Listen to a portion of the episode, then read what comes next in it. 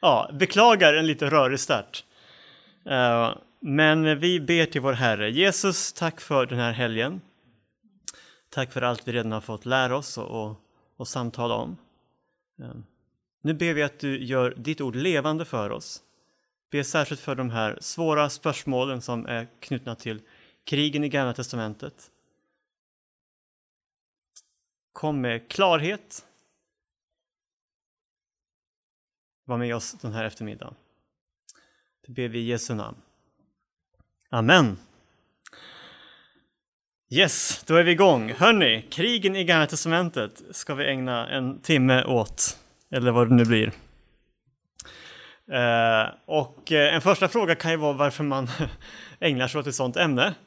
Uh, I mitt eget fall är det väl så att jag, jag har fått en väldig kärlek till Bibeln genom åren eh, och eh, har också en erfarenhet av att eh, när man kommer till svåra texter och svåra områden i Bibeln så kan man ha väldigt olika strategi. Vissa bläddrar snabbt förbi och liksom läser någonting roligare, trevligare. Jag är mer så att nej, men om jag inte förstår eller tycker att det här verkar konstigt, att försöka gräva lite djupare, se vad händer då? Vad finns det att upptäcka här? Och min erfarenhet är att när man gör det med de här texterna så finns det mycket att upptäcka som vi, vi ganska sällan lyfter fram i, eh, i kyrkan i stort. Eh, och min erfarenhet är helt enkelt att eh, Bibeln håller att brottas med. Så vi ska brottas lite med Bibeln idag. Och bara för att lite grann ge en ingång till hur, hur man kan förhålla sig till de här texterna annars. För det är inte så, den approach jag har, den, den kommer ni märka, men, men, det finns många andra sätt att nalkas de här texterna. Eh, den vanligaste är nog att man faktiskt struntar i dem. Om jag ser till det sammanhang jag själv har vuxit upp i så, så har man nog inte velat läsa de här texterna överhuvudtaget. Eh, man kan argumentera på olika sätt för det. Ett är väl att ja, men de tillhör ju gamla testamentet så det, det behöver inte vi bry oss om. Vi är kristna, vi är nya förbundets folk, nya testamentets folk. Um, inte en helt ovanlig hållning. Uh, den hållningen utmanas ju på många sätt i Bibeln och jag tycker det här är ett bibelord som, som gör det väldigt tydligt. Paulus skriver, och på hans tid så var ju då skriften Gamla Testamentet, det som var det enda som fanns. Och han säger uttryckligen att hela skriften eh, är utandad av Gud eh, och dessutom att den är nyttig idag för kristna till undervisning, tillrättavisning, upprättelse och fostran i rättfärdighet. En väldigt hög syn på Gamla Testamentet och, och det är klart utifrån den synen så känns det inte rimligt att vi skulle strunta i krigstexterna bara för att det är Gamla Testamentet. Paulus säger ju att det är också inspirerat av Gud.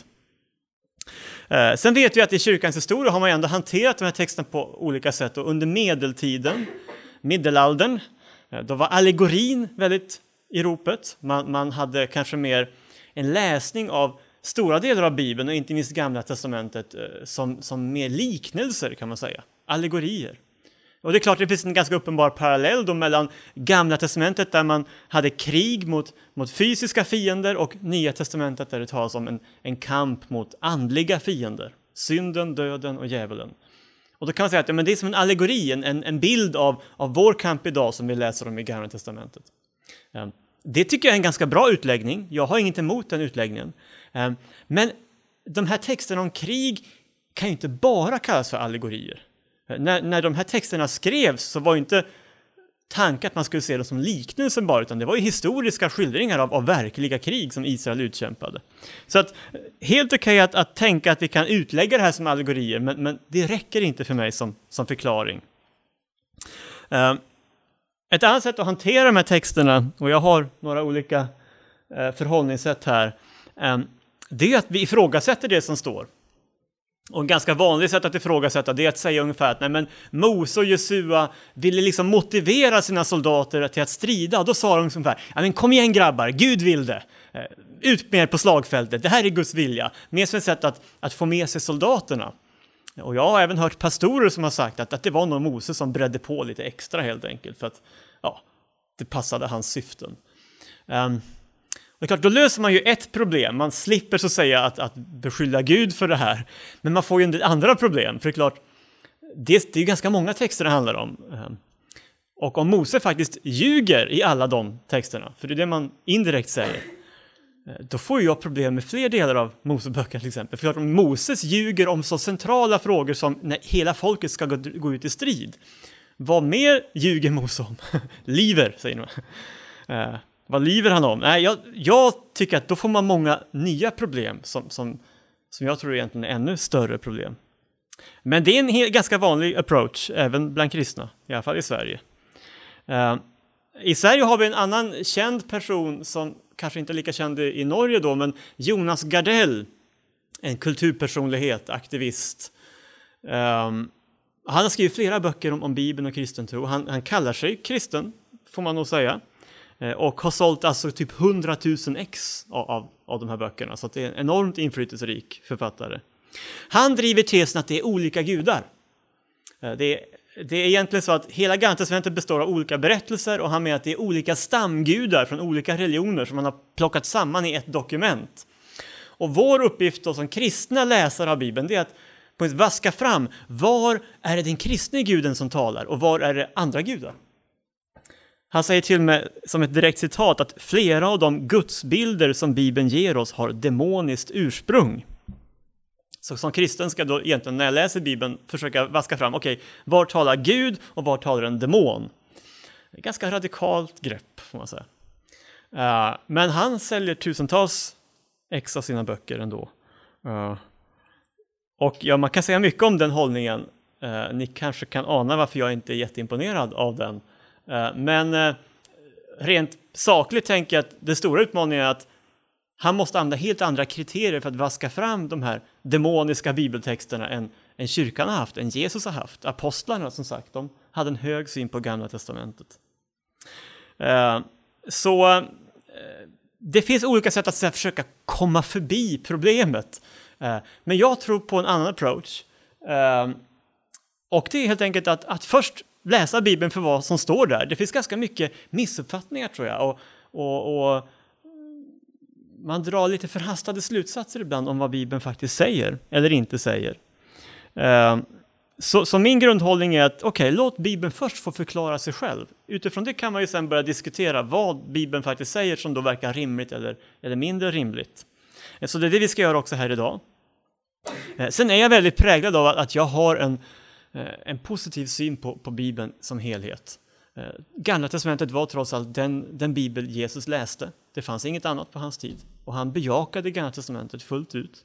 Eh, det är också så att ingen av Nya Testamentets författare gör upp med de här texterna. Det är ingen tvekan om att, att Nya Testamentet har ett delvis annat budskap kring frågan om våld till exempel. Vi ska vända andra kinden till, säger Jesus. Eh, men du hör aldrig Jesus säga att ja, men ni vet, Mose han, han hade inte riktigt fattat det där, han, han missuppfattar saker och, och, och, ni, ska inte, ni ska inte bry er om vad, vad som står i de här böckerna. Det finns inget sånt. Man gör aldrig upp aktivt med de här texterna. Och det sporrar mig att okej, okay, om jag vill nu ta Jesus på allvar, då börjar jag ha ungefär samma bibelsyn som Jesus hade. Eh, och eh, om inte Jesus gör upp med de här texterna så vill inte jag göra det för enkelt heller. Så vi ska ta oss på en liten resa in i Gamla Testamentets värld. Eh, och eh, det här är svåra frågor, vi kommer inte bli färdiga med alla frågor, men då får ni en liten glimt av, av vad jag eh, eh, tror på och, och vad mitt bibelstudium har lett fram till. Och jag har ju också skrivit en bok här då som, som kom ut för några månader sedan. Eh, där allt det här fördjupas väldigt mycket mer än vi hinner idag på en timme naturligtvis. Eh, men jag vill börja med en berättelse som kanske vi normalt inte förknippar ens med, med krigen i Gamla Testamentet, men, men, det är första gången som Gud beskrivs som en krigare i Bibeln. Gud beskrivs som en krigare. Eh, och det är i samband med att Herren befriar Israel ur Egypten. Jag skulle tro att storyn är ganska välbekant. Ehm, 40 år, eller nej, det kommer senare, men 400 år däremot är Israel, eh, hebreerna, slavar i Egypten. Um, och om ni inte har läst berättelsen i Bibeln så har ni kanske sett Prinsen av Egypten. Där får ni en ganska bra framställning av det hela. Uh, det som händer där är ju då att ehm, eh, Gud kallar Mose att föra folket, uh, vara ledare för folket, föra dem ut ur Egypten och in i det land som, som Gud har, har lovat att de ska få. Eh, farao vill ju inte släppa folket eh, och då sänder Gud genom Mose tio olika plågor på Egyptens land. Eh, och till slut ger ju farao med sig och låter dem gå och de, de ger sig ut, tar allt sitt bohag med sig och tågar österut ut då mot Röda havet. Men där blir de ju fast. De vet inte vad de ska göra när havet kommer och liksom de, det finns ju inga broar om man säger så att, att, gå över. Och bara för att göra det hela ännu värre så kommer ju faraos armé en gång till efter dem. Eh, och eh, då klagar de och det är första men inte sista gången Israel klagar på Mose. Fanns det inga gravar i Egypten eftersom du har fört oss hit för att dö i öknen, säger de. Eh, som sagt, inte sista gången de, de klagar. Men eh, då svarar Mose så här. Var inte rädda. Stanna upp och bevittna den frälsning som Herren idag ska ge er. Ty så som ni ser egyptierna idag ska ni aldrig någonsin se dem igen. Herren ska strida för er och ni ska hålla er stilla. Herren ska strida för er. Det är ett ganska känt löfte i Bibeln. Eh, och det är faktiskt första gången som Bibeln talar om Gud som en krigare. För den som strider är ju en krigare, eller hur? Det liksom förutsätter varandra. Eh, och så sker det här berömda undret, Gud klyver havet mitt itu. Eh, Israeliterna kan gå torrskodda genom, genom vattnet. Eh, och sen när Egyptens här kommer efter så sluter sig vattenmassorna och dränker dem. Och då sjunger folket en lovsång. Eh, Jag vill lovsjunga Herren, till högt är han upphöjd, häst och ryttare störtade han i havet, står det. Och så fortsätter man med att skildra det här Guds ingripandet, att Gud kommer som en krigskämpe, att han krossar fienderna, eh, gör motståndarna till intet, eh, han vräker hästar och ryttare i havet, förtär både fara och hans armé som halm. Ehm, och det som slår mig här då, det är att det här är första gången Gud beskrivs som en krigare. Och det sker i formen av en lovsång. Det utmanar mig. Vi är ganska vana tror jag att tala om problemet med krigen i Gamla Testamentet. Och jag vill inte säga att det inte finns problem med det, det är en väldigt utmanande del av Bibeln. Men för israeliterna var det här också ett tema för lovsång. Prisad vare Herren, han är en krigare. Jag tycker det är lite nyttigt att bara se att det är också en del av Bibelns sätt att tala om de här bitarna. Man är jublande glad över att få vara befriad från sina fiender, det är det det handlar om här. Eh, och just det som sker i uttåget ur Egypten och också när man får tåga genom Röda havet, det är ju, en, eh, det är ju Gamla testamentets stora frälsningsdrama. Nya testamentets drama handlar om korset, påskveckan. Gamla testamentets motsvarighet är uttåget ur Egypten. Och gång på gång i Gamla testamentet så återkommer man till den här erfarenheten och inte minst när man sen börjar kriga påminner man sig själv om hur Gud stred för, sig, eh, för sitt folk redan i Egypten. Eh, därför tycker jag det är bra att bara liksom ta avstampet där när vi talar om det ämnet. Eh, sen är det så att det finns lite olika typer av krig i Bibeln. Och jag tänkte vi ska faktiskt börja med att läsa några lagtexter från de här, ja, som, som berör just hur man ska kriga. Eh, är det någon av er som känner för att läsa norska? Komma fram här, för jag har eh, på skärmen, men jag tänker norska är inte min största gåva i livet. Så att, eh, men det är en lite längre text och då kunde man ju läsa den på norska direkt. Annars så får jag ta den på volley så att säga. Men det klarar ni. Någon som bara ställer sig här och läser, det, det, 15 verser, andra, femte Mosebok 20. Jag tyckte det. Ja, visst, du kan ställa det här. Jag tror att vi ska ha med micken. Men det är ju bara för inspelningens.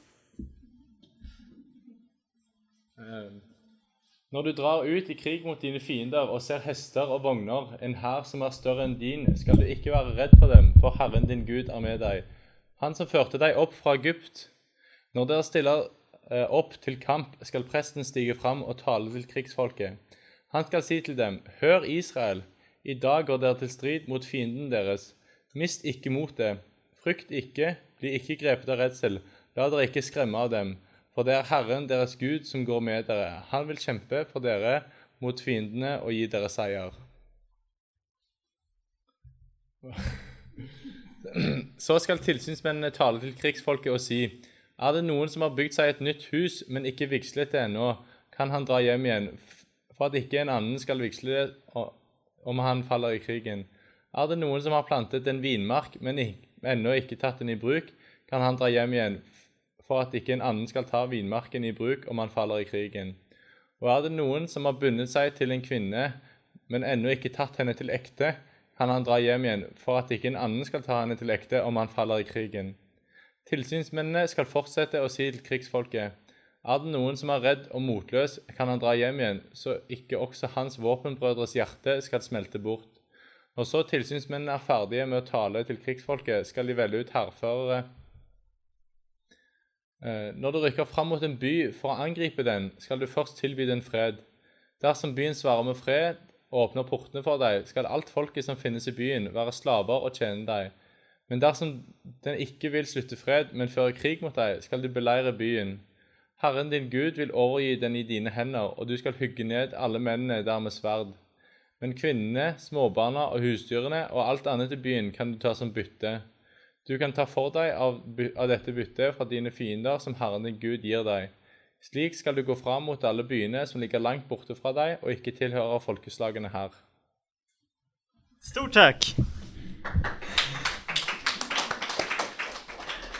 Yes, det här är krigslagarna i femte Moseboken 20.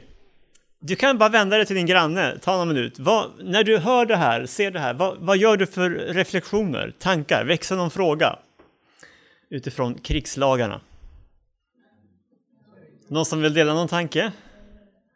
Det kommer snabbt på här, men bara som spontant liksom, när ni hör de här. Mycket bra fråga. Alltså, lite grann frågan om Guds partiskhet. Eh, om Gud tar ställning för Israel mot de andra folken, hur stämmer det med, med, att Gud rimligen älskar alla människor? Vi kommer tillbaka till det lite senare kanske, men, men det är bra. Andra tankar kring krigslagarna? Man kan kalla det för generösa dispensregler. Man kan slippa undan av väldigt många skäl. Uh. Mm. Kommer tillbaka till det med. Någon till?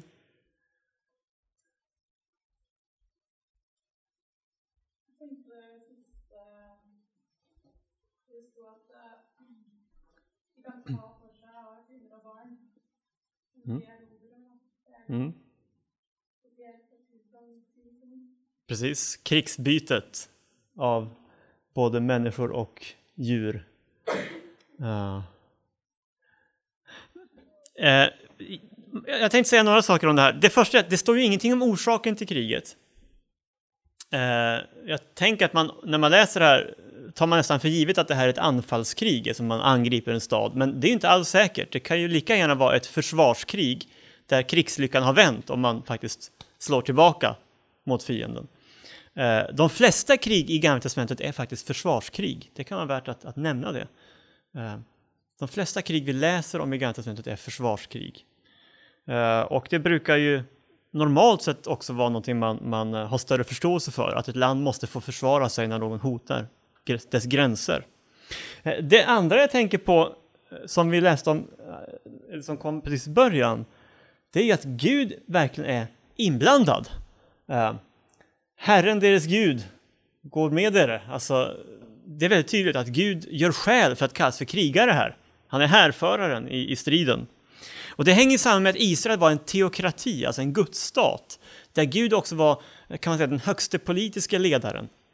Um, han var inblandad i de politiska skeendena, väldigt konkret i Israel. Och det gällde också krigen kan man säga. Då. Men sen som jag sa, då var det väldigt generösa dispensregler. Man kunde ju nästan slippa undan för vad som helst kan det låta som. Um, och det, det är ju generöst rent allmänt, men det säger ju också någonting djupare. Alltså, varför kan man vara så generös med att det inte behöver vara så många soldater? det står för någonting också. Jag tänker att det står för att det som verkligen är avgörande det är att Herren strider för folket. Och han kan vinna med få eller med många.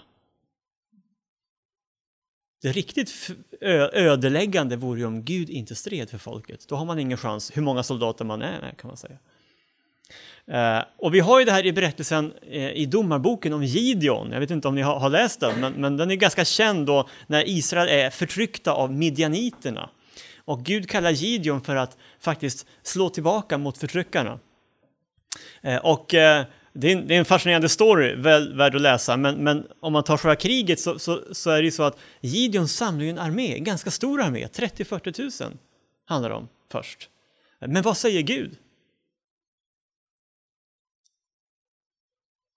Ni får läsa domarboken hör jag. Han säger att det är för många soldater. Okej, okay. och Midjans här, de är 120 000, så jag kan nog tycka att de skulle behöva alla 40 000, men, men Gud säger, nej men om ni vinner med 40 000, då kommer ni tro att ni har fixat det här i er egen kraft. Då får Gideon ner, då använder han de här och säger att alla ni som är rädda, ni kan gå hem, och då sticker de flesta, då är det 10 000 kvar. Och kommer till Gud, ja men nu, nu är vi bara 10 000, och Gud säger, uh -uh, still too many. ni kommer fortfarande tro att ni har fixat det här i er egen kraft. Till slut är det bara 300 man kvar. 300 personer mot 120 000.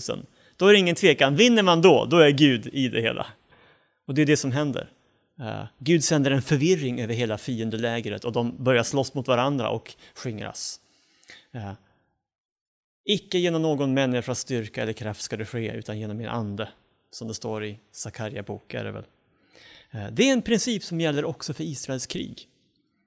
Att Gud är aktiv och att det faktiskt också är hans kraft som gör att Israel vinner seger. När man då har det här kriget så ska man först erbjuda fred.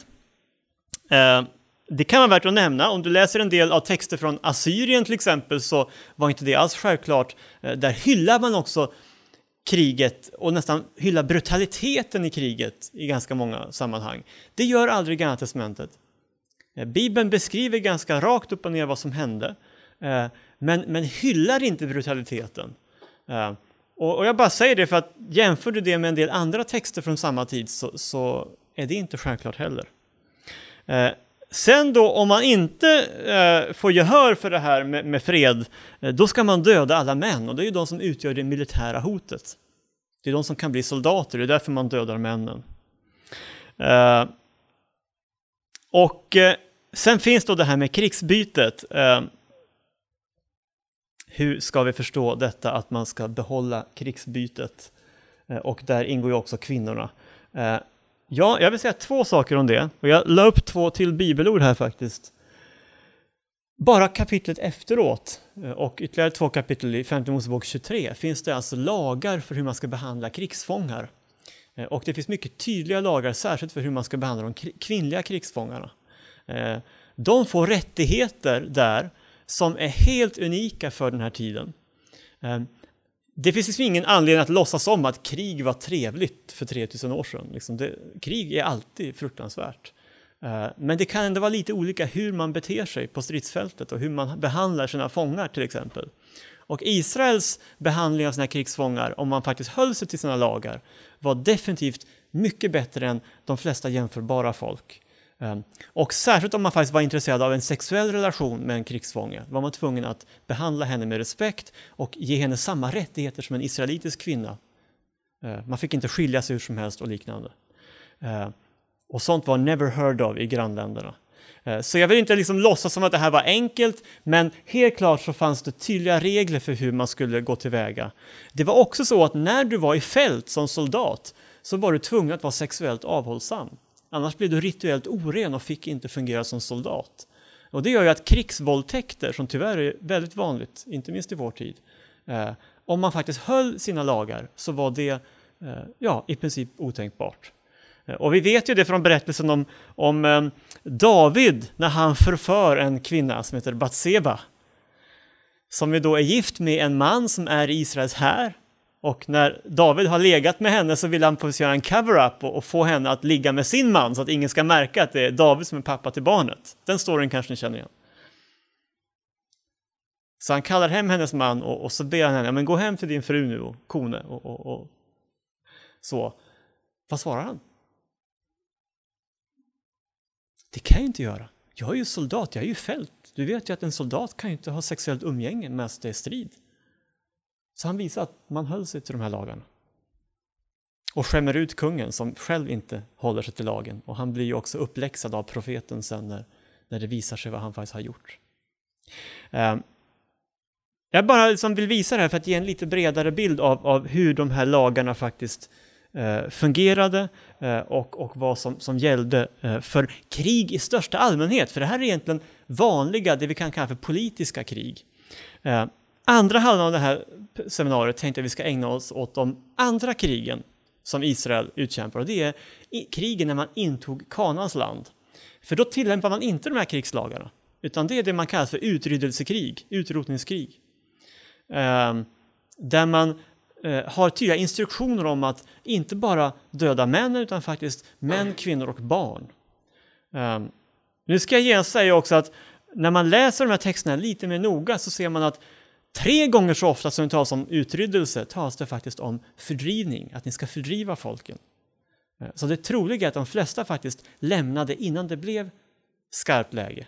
Jag tror personligen inte att det alls var så många som dog i de här krigen som det kan verka typ första gången du läser igenom Josua-boken. Ehm, däremot så är det självklart att det dog folk. Och utryddelsekrigen är eh, en, en svår eh, nöt att knäcka så att säga för, för, för oss som bibelläsare. Så vi ska ägna en stund åt, åt det. Och vi ska läsa en till bibeltext där. Men jag kan ju bara stanna för sig, är det någon som har någon fråga? Man hade kunnat tala länge om, om det här vi var inne på nu också, men ni får en liten glimt i alla fall av, av vad vi kan hitta när man skrapar under ytan. Någon fundering så här långt? Det är en stor diskussion till exempel, kan vi som kristna kriga och liksom, ska vi vara pacifister och har en stat rätt att försvara sig? Så. Mycket spännande ämnen där, men jag tror inte vi, vi går in på det eh, så mycket idag. Det tar för mycket tid helt enkelt. Ja. Men uh, Ja. Va, vad sa du? Alltså, eh, intåget i kanan beskrivs ju framförallt i Josua-boken och, och, och, en, en del av, av Moseböckerna finns det några krig också. Men sen de historiska böckerna, eh, Samuelsböckerna, krönikeböckerna, kungaböckerna, där har du många av de politiska krigen. Kan man säga. Men vi kan läsa Femte Mosebok 7. Eh, och då får ni det på svenska nu då, men på norska på skärmen. När Herren din Gud låter dig komma in i det land dit du nu går för att ta din besittning och när han driver bort många hedna folk för dig, hetiterna, girgaseerna, amoreerna, kananéerna, periseerna, heven och jebusiterna, sju folk som är större och mäktigare än du. Och när Herren din Gud ger dem till dig och du slår dem, då ska du ge dem till spillo du ska inte sluta förbund med dem eller visa dem nåd. Du ska inte ingå släktskap med dem. Dina döttrar ska du inte ge åt deras söner och inte ta deras döttrar åt dina söner. Ty de kommer då att leda dina söner bort från mig till att tjäna andra gudar och Herrens vrede ska då upptändas mot er och han ska snabbt förgöra dig. Men så här ska du göra med dem. Ni ska bryta ner deras altaren, slå sönder deras stoder, hugga ner deras aseror och bränna upp deras avgudabilder i eld. Ty du är ett heligt folk inför Herren din Gud. Dig har Herren din Gud utvalt att vara hans egendomsfolk framför alla andra folk på jorden. Här är det lite andra tongångar än i femte Mosebok 20. Ehm, det är ganska brutala instruktioner.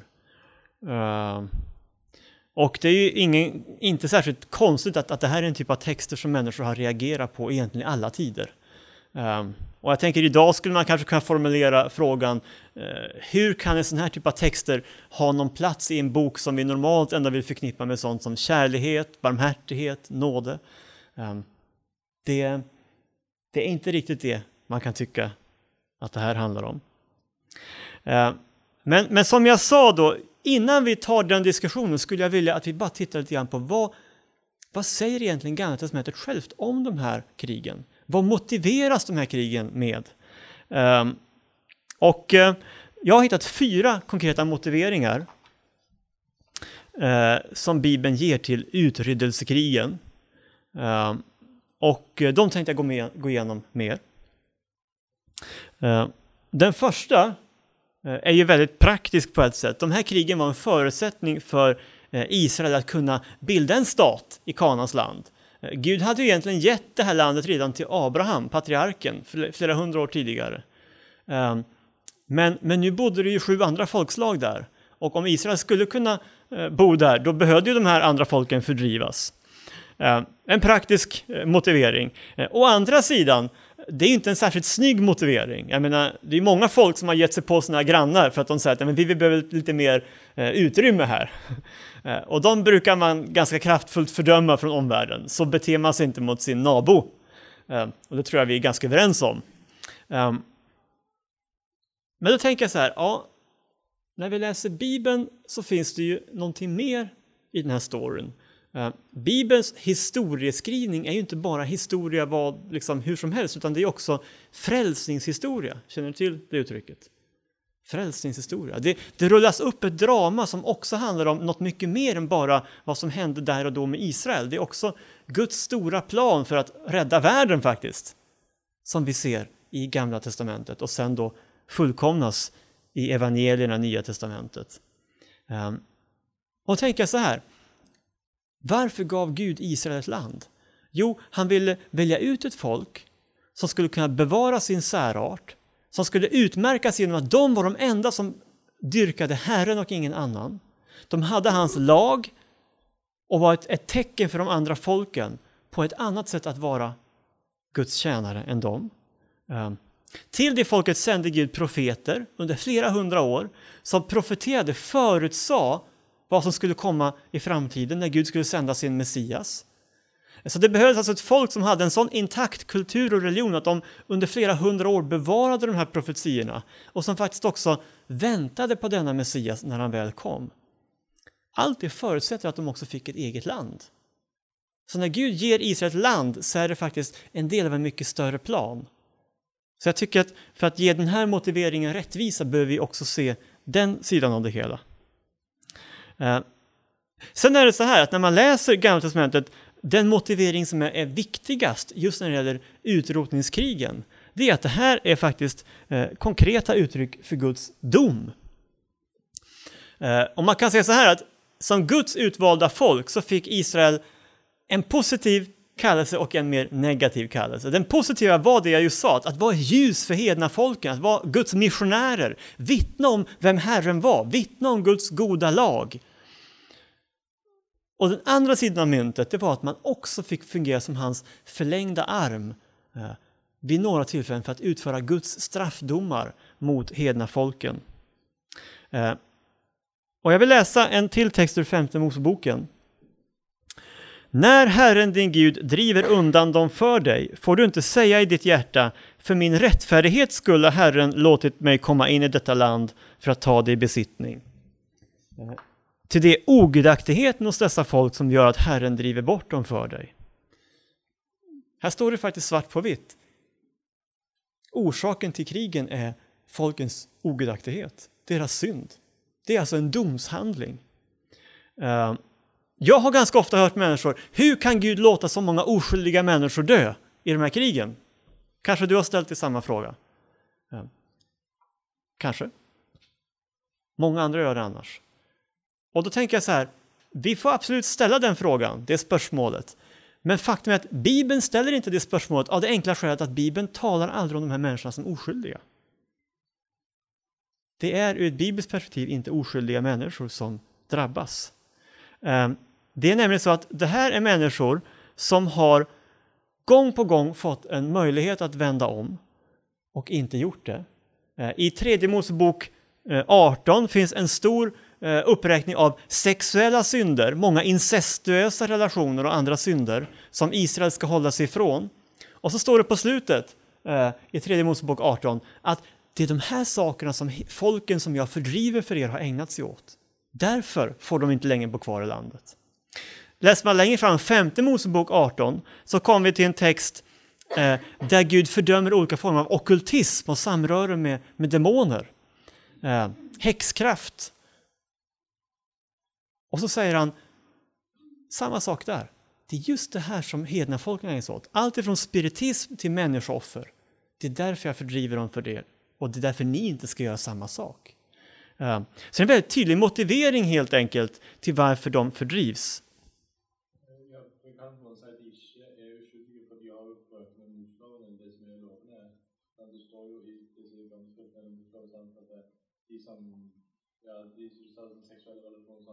det jo i, i hver gjentakelse om de skal samtidig dø, eh, og deres blod skal komme over dem. Så på måte, de var jo gjerne i deres syn ikke uskyldige på en måte.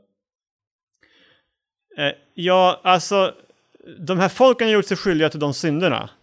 Eh, och eh, de, de synderna gäller ju även oavsett om man står under Moseloven eller inte. Alltså det är ju på fundamentala regler att vem vi tillber och hur vi behandlar varandra. Det, är så att säga, det gäller ju alla människor egentligen.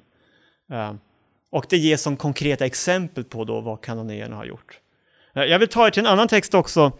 Eh, Guds pakt med Abraham i Första Mosebok 15. Det är då Gud första gången ger Abraham löftet om landet.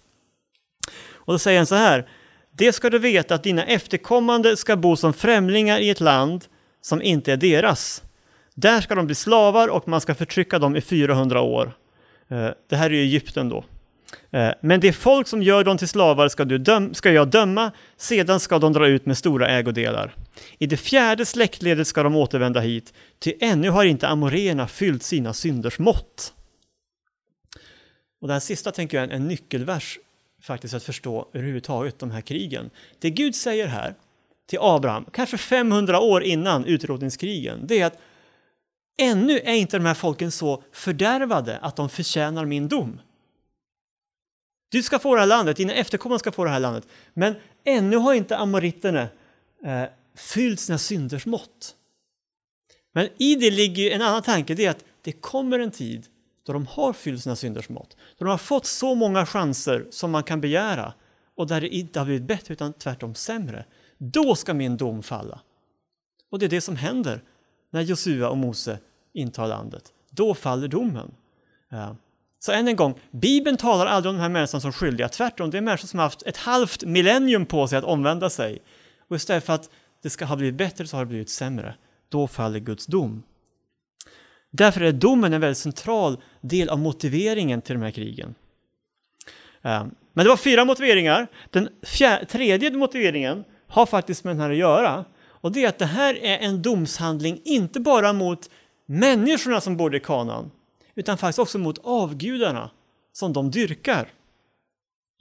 Eh, demonerna om man så vill. Eh, och det här blir ju tydligt redan i berättelsen om Egypten. Ni vet de här tio plågorna. Eh, jag hörde om dem redan när jag gick i söndagsskolan och det tyckte jag mest var som spännande berättelser. Så. Jag tänkte inte så mycket mer på vad de handlar om egentligen. Men ta det här när Gud gör Nilens vatten till blod. Den minns ni kanske? Och det är klart, det är jobbigt när vattnet blir blod, det, det, är illa nog. Men vi ska komma ihåg en sak till. Egypten var ett mycket religiöst samhälle. Man dyrkade olika gudar som beskyddade olika delar av nationen. Och Nilguden Hapi var en av de viktigaste gudomarna. Så när Gud gör vattnet till blod så säger han, jag är starkare än Hapi. Ni dyrkar en gud som inte har någon makt. Okej, okay, vi fortsätter. De två sista plågorna, den nionde, någon som minns vad det är?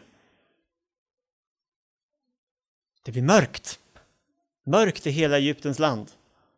Och jag tänkte samma sak när jag var liten, ja det är jobbigt att det blir mörkt och det är klart det är, men så får man tänka ett varv till. Vem satt på tronen i Egypten? Ja, någon har koll. Solgudens son. Man dyrkade farao som solgudens son. Så när Gud gör det becksvart i hela Egypten så är det ett förkrossande nederlag för hela soldyrkan som var kärnan i Egypten. Man till och med hade sin kejsare som en liksom, inkarnation av solguden. Eh, och sen då den sista plågan, när allt förstfött dör, eh, så kan man säga att, att då visar Gud hela Egypten att inte ens tillsammans kan era gudar beskydda er om Herren själv vänder sig mot er. Eh, den natten, säger Gud, ska jag gå fram genom Egyptens land och slå allt förstfött i Egypten, både människor och boskap, och över Egyptens alla gudar ska jag hålla dom. Jag är Herren. Så det här är domshandlingar också mot gudarna som man dyrkar. Och då kan man ju lite postmodernt invända, vadå? Ska Gud komma här och säga att han är störst, bäst och vackrast? Liksom? Kan inte han låta de stackars egyptierna vara? Liksom? Måste han glänsa så mycket? Ja, men då måste vi tänka ett steg till igen. Varför förtjänar Gud vår tillbedjan? Ja, men det är ju för att han är skaparen av hela världen. Det finns ingen annan skapare. Alla som låtsas som att de är gudar är ju inga gudar. Så när Gud avslöjar Nilguden eh, så ger ju han samtidigt människorna som dyrkar honom en, en möjlighet att inse vem de faktiskt ska tillbe om de verkligen vill bli räddade. Eller hur? Alltså när Gud dömer avgudarna ger han ju dem samtidigt en chans att inse vem som är den sanne guden. Vad spelar det för roll? Jo, det spelar all roll i världen, för om det är så att när du dyrkar den sanne guden får du leva i gemenskap med honom i evighet. När du dyrkar avgudarna så kommer du till helvetet. Då spelar det ganska stor roll att avgudarna avslöjas. Det är faktiskt Guds kärlek som också finns i det att han avslöjar de falska gudarna. Och det är dessutom så att det fanns en möjlighet att slippa den här domen. För Gud sa så här. Den natten ska ni ta ett lamm, ni ska offra det, slakta, äta och så ska ni ta blod och stryka på dörrposterna. Och alla som gör det ska slippa den här plågan. Så det var inte ens så att, att man var tvungen att drabbas av Guds dom. Alla hade en möjlighet, om de bara ville ödmjuka sig under Herren, att slippa. Och vi vet att när Israel drog ut ur Egypten så var det ett ganska stort antal andra som följde med. Och jag skulle tro att det var just de som faktiskt hade förstått vid det laget att Herren är verkligen Gud. Han är vår skapare, han är vår frälsare. Och de ville haka på och följa med hans folk ut ur Egypten. Så domen och nåden går väldigt bokstavligt hand, hand i hand. Ja. Och så är det ju hela Bibeln egentligen, men också i de här texterna. Ja. Men bara för att ta den sista motiveringen också då, att det här var också ett, ett sätt att ge Israel en möjlighet att lite grann börja på ny kula att få en moralisk nystart. Att om de skulle flytta in i det här landet med alla andra fortfarande där, som fortfarande dyrkade sina avgudar och ägnade sig åt incest och, och allt vad det handlar om, um, då skulle de sugas upp av den kulturen ganska snabbt. Tyvärr, om man kan historien, vet man att en del av det hände ju ändå. Bland annat för att man inte gjorde det man skulle från början. Man, man fördrev inte alla de här folken. Uh, men tanken var att nu ska vi på börja från scratch igen. Rensa bordet, börja från början. Uh, och det är en annan biblisk berättelse som har det som huvudtema och det är ju faktiskt syndafloden.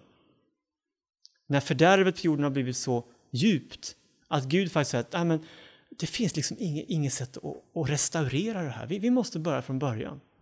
Så han väljer ut Noa och hans familj och de blir liksom embryot till, till hela den nya mänskligheten. Men hela den gamla mänskligheten går under i vattenmassorna. På ett sätt också en, en fruktansvärd berättelse. Men den handlar ju om syndens allvar egentligen. Och att det kan finnas lägen där det liksom inte finns någon väg tillbaka. Vi måste börja från, från början. Och det är det som händer i Kanans land. Eh, så det är de fyra motiveringarna som jag uppfattar att Bibeln ger till eh, utrotningskrigen. Eh, någon tanke kring det? Jag tänkte vi kan väl dra över lite när vi blev sena, men jag vet inte, är, är tio minuter okej okay till eller? Så hinner vi säga några saker till. Men någon som har något spörsmål på det här? Does it make sense? Det jag säger? Jag säger inte att de här texterna är enkla, de kommer aldrig bli enkla. De kanske inte ens är tänkta att vara enkla. Men det finns i alla fall en grund för det som sker. Ja.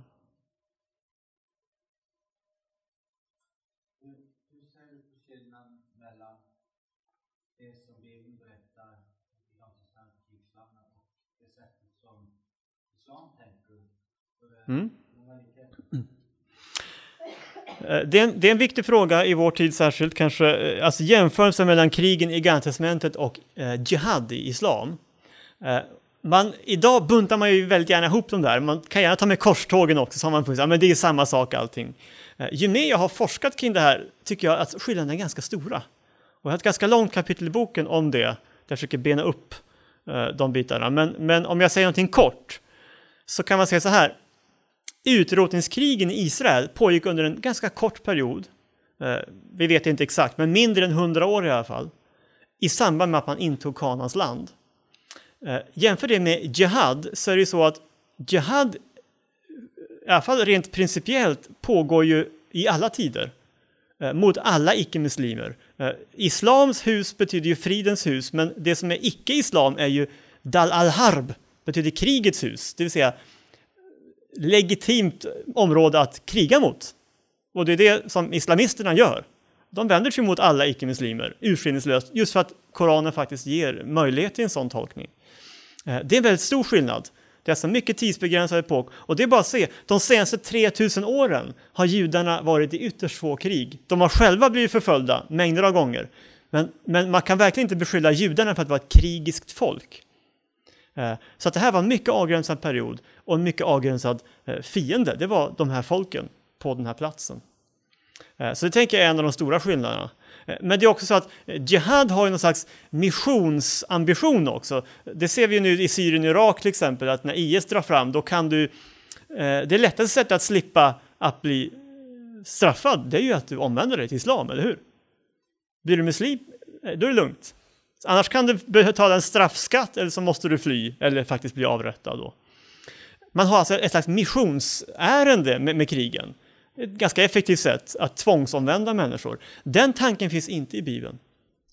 Det finns aldrig en tanke på att man skulle genom krigen omvända, utan det är ju när de har fått alla chanser man kan begära till omvändelse och inte har tagit dem, då faller Guds dom. Eh, och det gör ju också att Israel krigade ju inte så på sitt eget initiativ, utan det var uttryckligen på Guds befallning som det här skedde. Eh, så det är några exempel på, på skillnader. Ehm, och eh, det finns fler. Ehm, även korstågen är ju, eh, det finns mycket att säga om dem. Ehm, och en sak som kan vara intressant att veta är ju att många tror att korstågen var inspirerade av krigen i Gamla Testamentet. Jag vet inte om ni har hört den myten själva någon gång. Man har läst originalkällor nu från 1011-1200-talet. Det finns inte en hänvisning till Gamla testamentet i samband med korstågen. Inte en hänvisning, utan det var västkyrkan som eh, tog emot ett nödrop från de kristna i östkyrkan. Eh, därför att de muslimska herrarna hade erövrat stora delar av det bysantinska väldet Eh, och stod nu utanför huvudstaden Konstantinopel och hotade att erövra också den. Eh, och det här var bara 50 år efter den stora schismen mellan östkyrkan och västkyrkan, så det var väldigt spänt läge mellan öst och väst. Men man säger, trots det förmådde man sig till att säga att om inte ni kommer och undsätta oss nu så kommer de kristna i öst att utrotas helt. Och efter mycket vånda så valde påven då att säga att okej, vi måste hjälpa våra syskon där.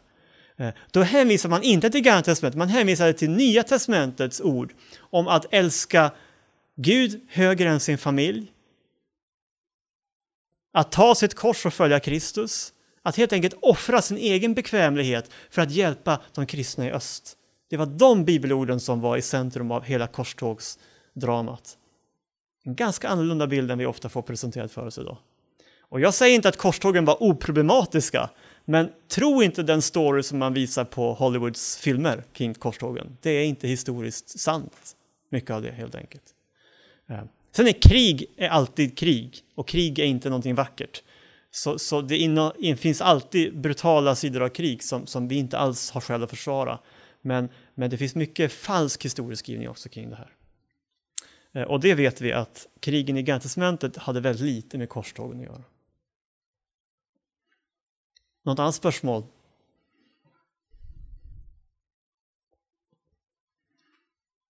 Ja.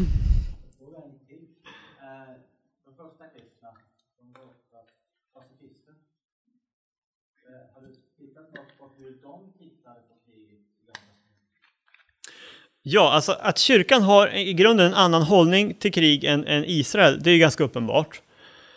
Och eh, eh, jag tror att man egentligen haft en ganska nykter syn på det här att gamla pakten, det var vissa spelregler som gällde för den som inte gäller i den nya pakten. Alltså, det är på ett sätt inte konstigare än så. Gamla pakten bygger på en politisk teokrati på jorden Eh, där du har ett, en nation med fysiska geografiska gränser eh, och då får du också fysiska fiender, människor av kött och blod. Då blir det krig. Eh, I den nya pakten är det ju inte så. Vi är inte en, en jordisk teokrati, vi tillhör Guds rike som ett osynligt rike. Den handlar inte bara om Israel, den handlar om alla folk och stammar. Och Bibeln säger uttryckligen att vi strider inte mot varelser av kött och blod, utan mot de andliga fienderna, synden och döden och djävulen. Så det är helt enkelt det är två helt olika lägen. Eh, så man behöver inte förneka det gamla bara för att inse att det är helt nya spelregler för oss. Eh, och jag tänker det är det kyrkan har levt med. Det som har blivit olyckligt är när kyrkan har blivit en, en politisk maktkyrka och blivit en del av, av en stat. Och då har de här linjerna blivit suddiga igen. Eh, med statskyrkosystem och liknande där man kanske har använt våld också i kyrkans namn. Men det tror jag är, är fel utifrån vår kallelse som kristna. Eh, och jag är ingen vän av statskyrkosystem kan jag tillägga. Eh, men, men eh, även utifrån ett lutherskt perspektiv så, så, brukar man ju dela upp i det andliga regementet och det borgerliga regementet där det andliga är på kyrkan och missionen. Och där ska vi leva efter bergspredikan fullt ut, vänd andra kinden till. Men i ett lutherskt sammanhang brukar man säga att som kristen kan jag ändå ha en kallelse att också verka i det civila samhället. Och då kan jag till exempel vara polis, det är klart, som polis kan jag inte bara vända andra kinden till, då blir jag en ganska dålig polis. Ibland måste jag använda batongen. Men då gör jag det på mig som en samhällets tjänare. Och det tror jag personligen att, att vi som kristna kan göra. Men det finns ju andra grupper som säger att en kristen kan inte vara polis just av det här skälet, för då kan jag inte leva efter bergspredikan fullt ut. Och jag kan respektera den hållningen, men, men det är två så att säga, olika sätt att förhålla sig till det här. Um, jag tänkte säga någonting bara om, om det här med domen innan vi, vi avslutar. Eh, för jag tror att det är ofta det här med dom som vi, vi har svårt för eh, i dagens kristenhet. Um, hur kan man på något vis tänka kring att Gud dömer? Um, är inte det liksom ett, ett problem? Är, liksom, är det inte en ond Gud som ägnar sig åt sånt? Dömande, och, det är ett fult ord i, i vår tid överhuvudtaget att vara dömande och så. Um, jag tänker när jag läser både gamla och nya testamentet så uh, är ju det här två saker som finns så parallellt. Alltså Gud beskrivs både som rättfärdig och god och som helig och som domare. Det är, liksom, det är ingen motsättning, han är de sakerna samtidigt. Um, och jag, tänker, jag gav exempel från Johans Gardell som säger att det är två olika gudar. En gud som är domens gud och en gud som är nådens gud och vi ska välja. Det är helt främmande som jag ser det utifrån Bibelns perspektiv. Nej, men Gud kan faktiskt vara flera saker samtidigt. Han är inte bara en, en sak, han är mycket samtidigt. Um, det är dessutom så att Jesus är ju de här sakerna samtidigt. När du läser Uppenbarelseboken, Uppenbaringen, så beskrivs Jesus som lamm och lejon. Samtidigt.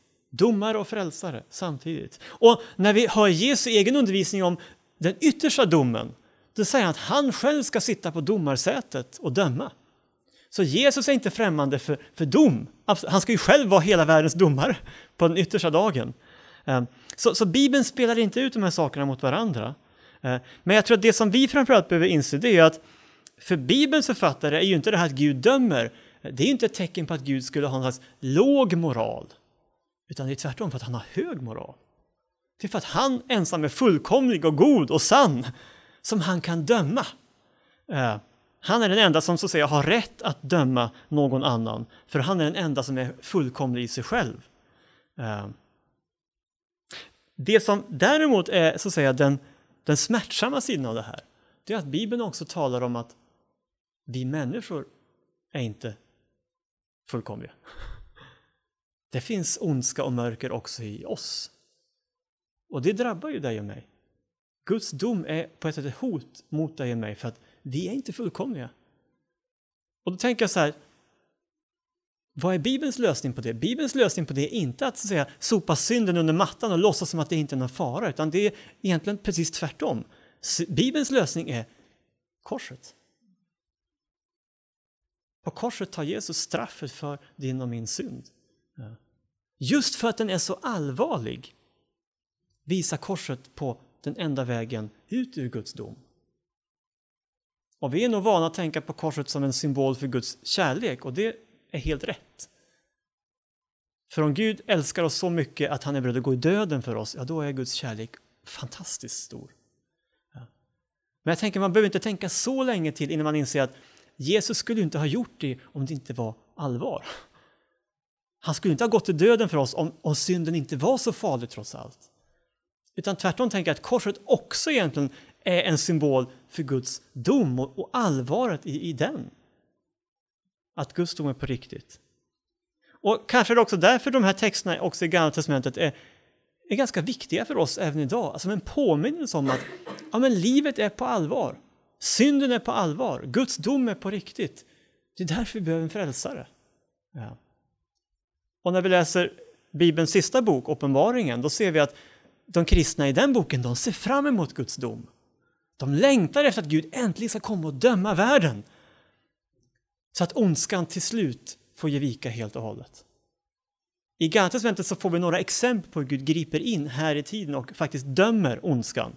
Till exempel i form av kananéerna i Kanans land. Och för oss idag blir det på en slags bild för, okej, okay, det här är på allvar, det här gäller också idag.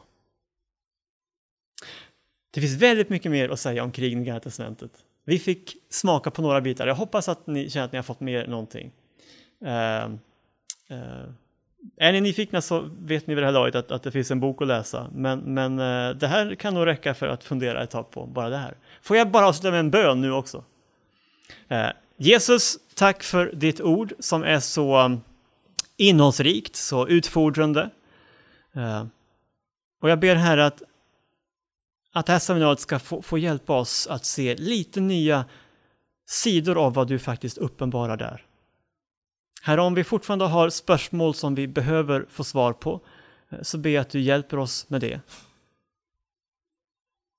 Men jag ber också att vi alltid får kasta oss på dig och, och lita på att du ytterst sett har koll. Att du vet vad du gör och att du är alltigenom både helig och god. Vi ber om din välsignelse över resten av den här dagen och vår hemfärd. Det ber vi i Jesu namn. Amen. Yes.